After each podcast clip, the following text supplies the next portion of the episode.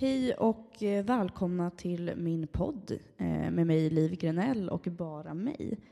Eh, ni kanske tycker att jag är fruktansvärt konstig som bara sätter mig och poddar helt jävla själv. För hur kul kan det bli? och nej, vi kommer inte ha så jävla roligt i den här podden. jag tänkte prata allvar. nej men eh, så här är det ju att eh, jag och Eh, mina två kompisar Linnea och Alva kommer starta en podd som heter Underlivets ord.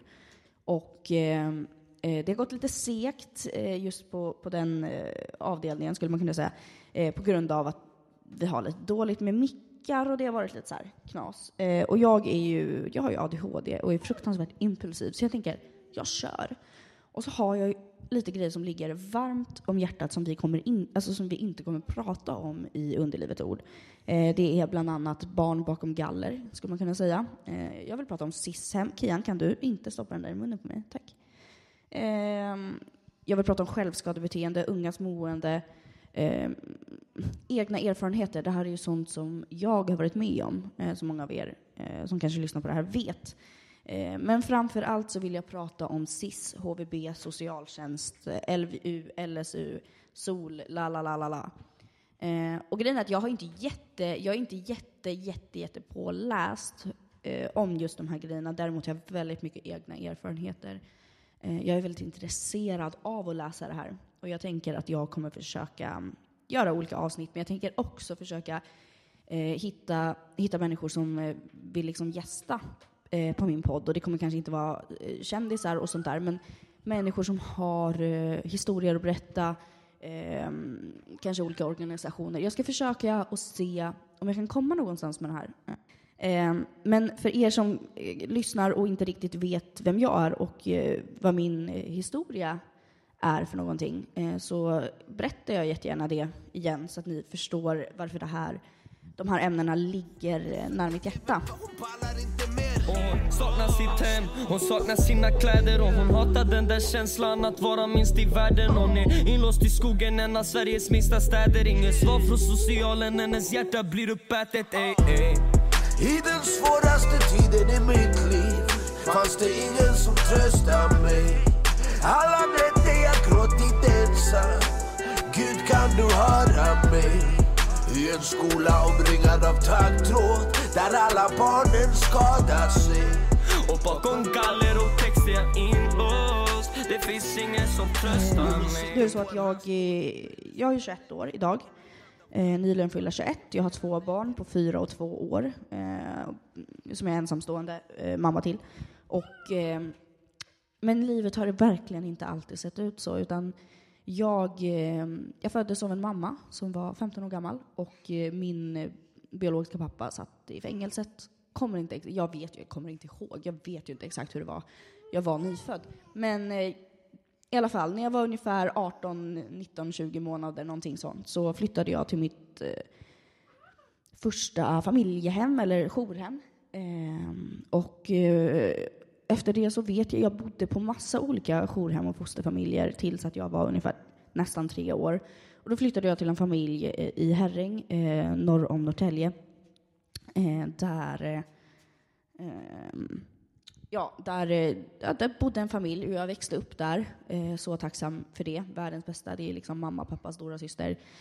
Jättefint hus mitt på landet och mådde svinbra. Fram tills att jag var ungefär tio, då det började gå väldigt mycket ut för, för mig. Jag fick eh, återigen kontakt med min biologiska pappa som fortfarande höll på med droger. Eh, och eh, han bodde i Södertälje.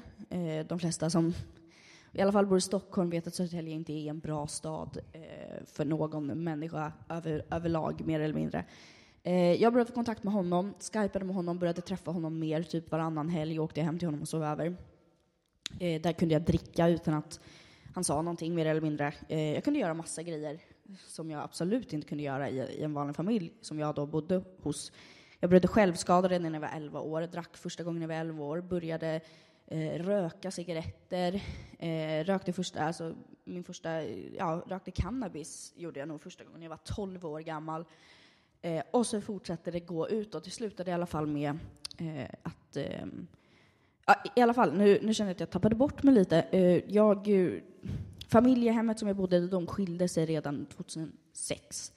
Så då bodde jag varannan vecka efter jag hade bott där i tre år ungefär. Fyra, fem år, jag vet inte exakt. Eh, och eh, eh jag, fostermamman bodde jag kvar hos, flyttade till Stockholm. Jag började i Fruängsskolan eh, som ligger i Stockholm och eh, bodde då hos eh, min biologiska pappa i Södertälje. Fortsatte med droger, fortsatte med alkohol, struntade totalt i skolan, eh, gjorde brott, misshandel. Ja, det gick helt åt skogen för mig, kan man säga. Så då bestämde sig socialtjänsten eh, för att placera mig på, ett, på en låst institution i Norrland. Och jag vill också tillägga här att finns anledningar till att det gick åt helvetet eh, för mig. Jag hade jättedåliga hemmaförhållanden. Eh, min pappa, eh, han, han slog mig flertalet gånger. Han bjöd på droger, han hade konstiga människor hos sig. Eh, jag blev utsatt för sexuella övergrepp, eh, misshandel, utnyttjanden eh, av äldre män. Och, eh, det, jag hade fått vara med om fruktansvärt mycket trauman. Eh, och de låste alltså in mig då i Norrland. Och då tänkte jag att gud vad skönt, jag var 15 år. Ja, jo, jag hade precis fyllt 15 tror jag, eller någonting sånt. Jag tänkte, åh vad skönt, nu kommer jag att få hjälp.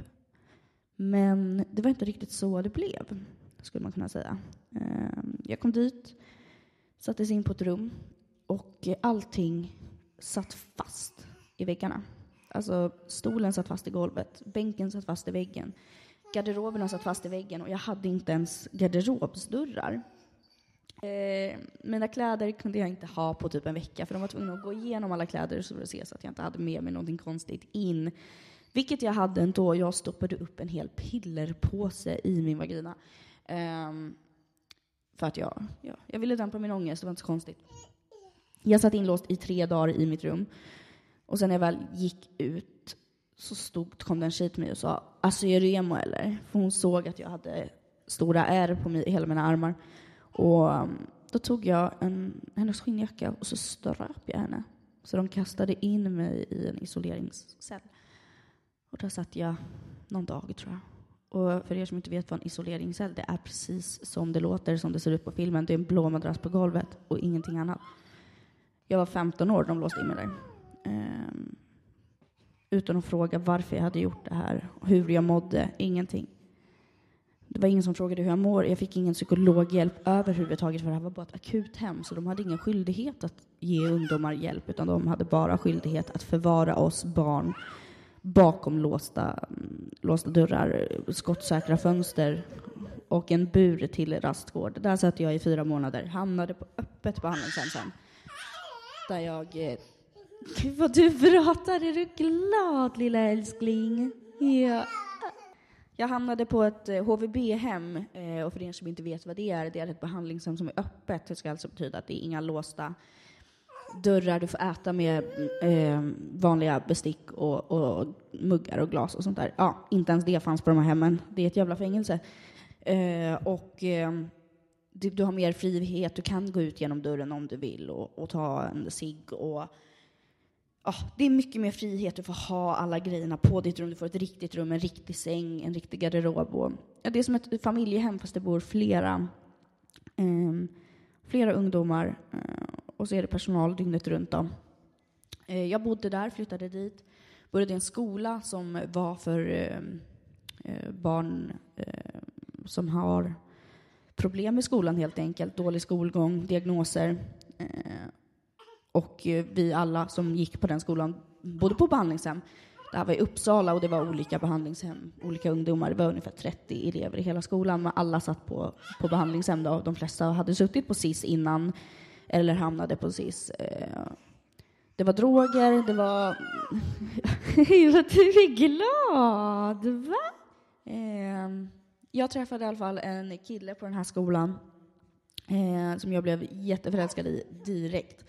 Eh, och han bodde eh, på samma eh, HVB-hem som mig, fast i, det, här var, det var på killavdelningen då, då, och på killavdelningen så det betyder att huset låg eh, typ två kilometer bort. Och båda de här hemmen var ju då mitt i skogen. Vi träffades mellan januari eh, och mars, så typ två, tre månader. Ehm, för sen händer det en grej. Det var så att vi skulle, vi tjejer, tre tjejer och två killar från hemmet skulle gå ut och träffa varandra på kvällen, på natten. Och ehm, eh, vi gjorde det. Men när vi kom halvvägs så fanns det ett hus och det var en gubbe där inne som ropade in oss och sa Åh tjejer, vill ni ha öl? Och som eh, dumma som vi är, rebelliska, vi går in, dricker öl, killarna kommer dit. Eh, jättetrevligt till en början. Och sen så ballade det ur. Det blev slagsmål mellan mig och den här gubben. Han försökte våldta mig. Eh, och till slut så lyckades vi ta oss därifrån. Tack så jättemycket vänner för att ni, de, de mer eller mindre räddade mig eh, genom att stoppa knivar och grejer i dörren där jag var inlåst. Och i alla fall, lång historia kort. Vi går tillbaka till tjejernas behandlingshem allihopa. Då hade personalen vaknat.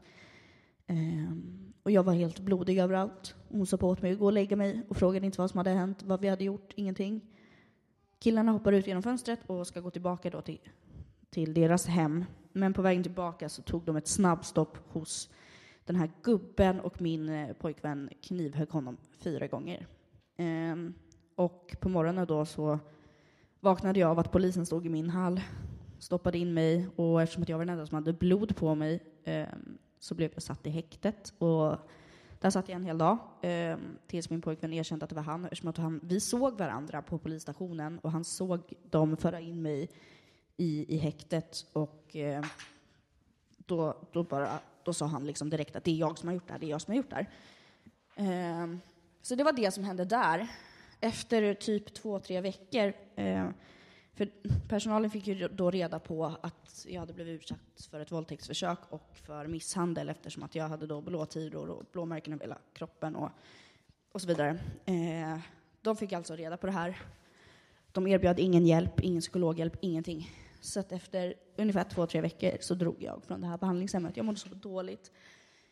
Eh, och jag, jag, visste inte hur jag skulle uttrycka mig själv. Jag var som sagt ett barn som hade blivit utsatt för det här av en 45-50-årig gubbe och hade varit utsatt för flera grejer i mitt liv tidigare och fortfarande inte fått någon hjälp för någonting. Så den här skithögen som jag redan hade i ryggsäcken, den blev bara större och till slut var ryggsäcken alldeles, alldeles för tung för, för mig att bära.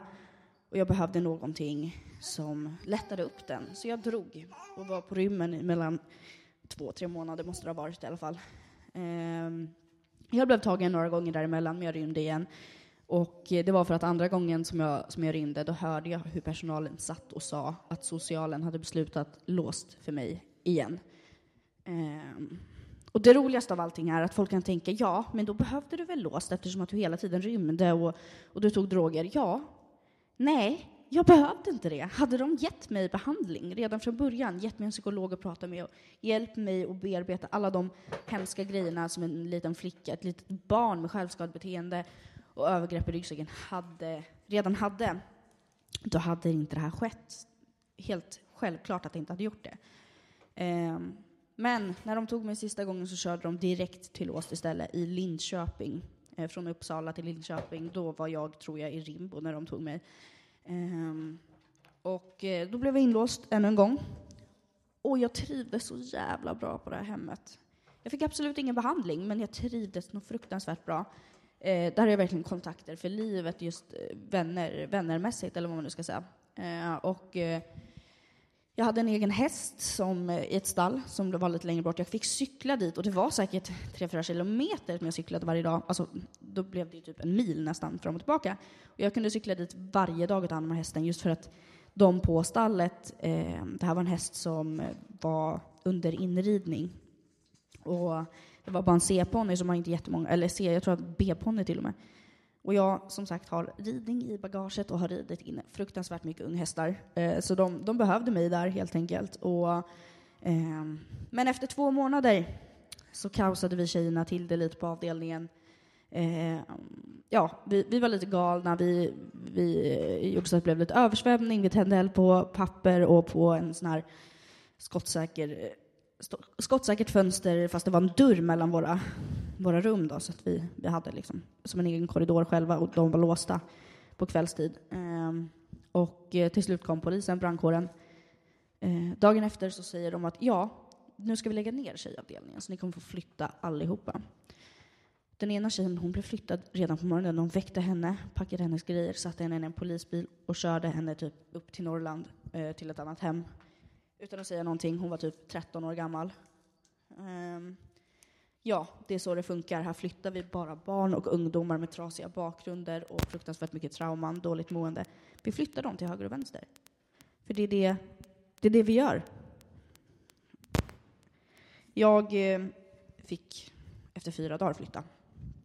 Eh, då körde de ner mig till, eh, till Skåne och eh, så var jag på ett nytt hem. Och en grej som jag glömde lägga till här, när jag kom tillbaka efter den här sommaren på flykt så var jag gravid, men jag fick missfall i vecka 10 efter jag har blivit nertumlad av en personal helt eh, när jag inte hade gjort någonting. Det, situationen var jävligt enkel. Eh, två andra på boendet hade sprungit runt med smörknivar och hotat personal. Jag eh, var gravid och därför gjorde inte jag någonting överhuvudtaget.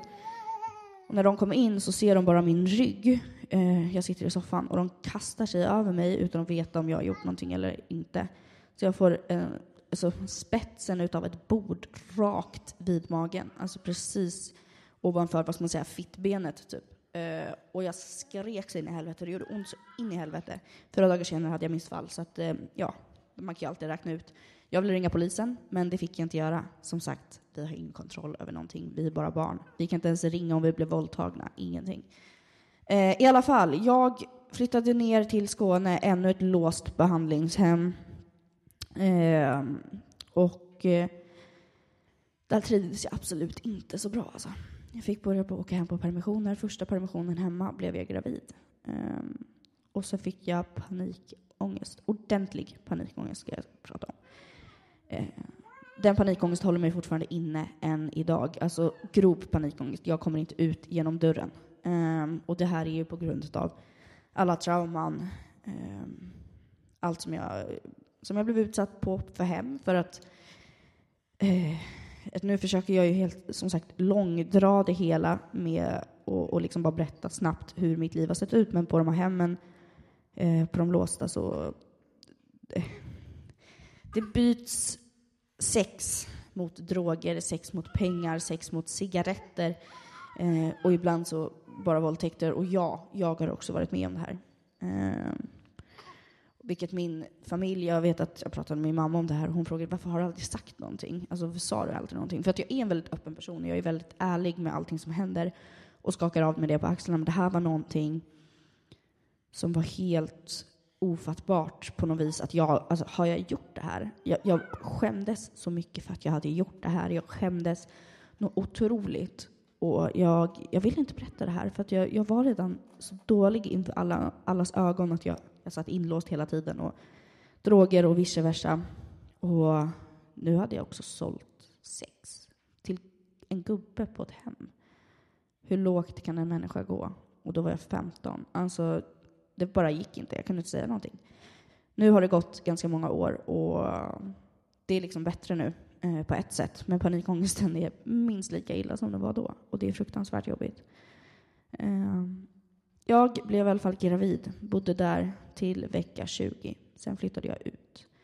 Bodde i en lägenhet, en stödlägenhet, i typ ett halvår. Sen flyttade jag till ett familjehem. Bodde där i typ ett halvår. Flyttade till ett nytt familjehem. Bodde där i typ ett, eh, ja, ett halvår. Sen flyttade jag och Isak ihop. Eh, vi bodde i vår lägenhet i ett och ett halvt år. Sen flyttade vi till en ny lägenhet. Bodde där i någon månad, två. Nej, inte ett och ett halvt år. Jo, men det var det nog. Vi, vi var ju tillsammans i typ eh, två och ett halvt år, eller någonting sånt. Eh, och nu för ungefär ett halvår sedan så har jag bott ensam, jag bor kvar i lägenheten och barnen mår bra och allting är frid och fröjd, eller vad man nu ska säga. Eh, och någonting jag också vill lägga till, eh, det är att under min vistelse i Linköping så kom det två män dit och eh, de jobbade för en organisation som heter Ung inlåst. Eh, jag rekommenderar starkt att ni går in på deras Facebook-sida och gillar och kommenterar och vad ni nu vill göra. Eh, för att de, eh, de kom dit och bad oss unga skriva berättelser om innan, varför vi hamnar på hem, hur vi tycker att det är, la la la la la. De är liksom världens stöd för ungdomar eh, som sitter på SIS just för att de arbetar mot SIS. De tycker att SIS är fel. mycket av det som SIS gör är fel. Personalen är fel. Och de, de försöker verkligen hjälpa oss och visa våra rättigheter. De skriver böcker. De är helt underbara.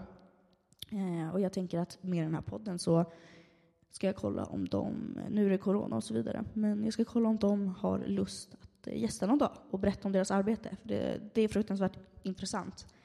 Um, och egentligen i det här avsnittet så vill jag bara långdra lite min historia med SIS och, och så vidare. Och jag har som sagt varit placerad med LVU, lagen om vård av unga. Det är alltså en tvångslag där man eh, tvångsomhändertar barn eh, mot deras vilja, mot föräldrarnas vilja. Socialen har alltså full makt över ungdomen och barnet. Och LVU kan man ha tills man är 21 år. Jag blev alltså placerad från att jag typ föddes mer eller mindre till att jag eh, var 18 år. Och det var, eh, under några år var det på grund av mig. Då hade jag liksom paragraf 6, paragraf 1, 3 och 11 eller någonting sånt. Och det, det är på grund av mig då att jag är destruktiv för mig själv, la la la la la. Men jag har alltid haft en tvåa och tvåan är på grund av föräldrarnas omsorgsbrist. Eh, så den har jag alltid haft.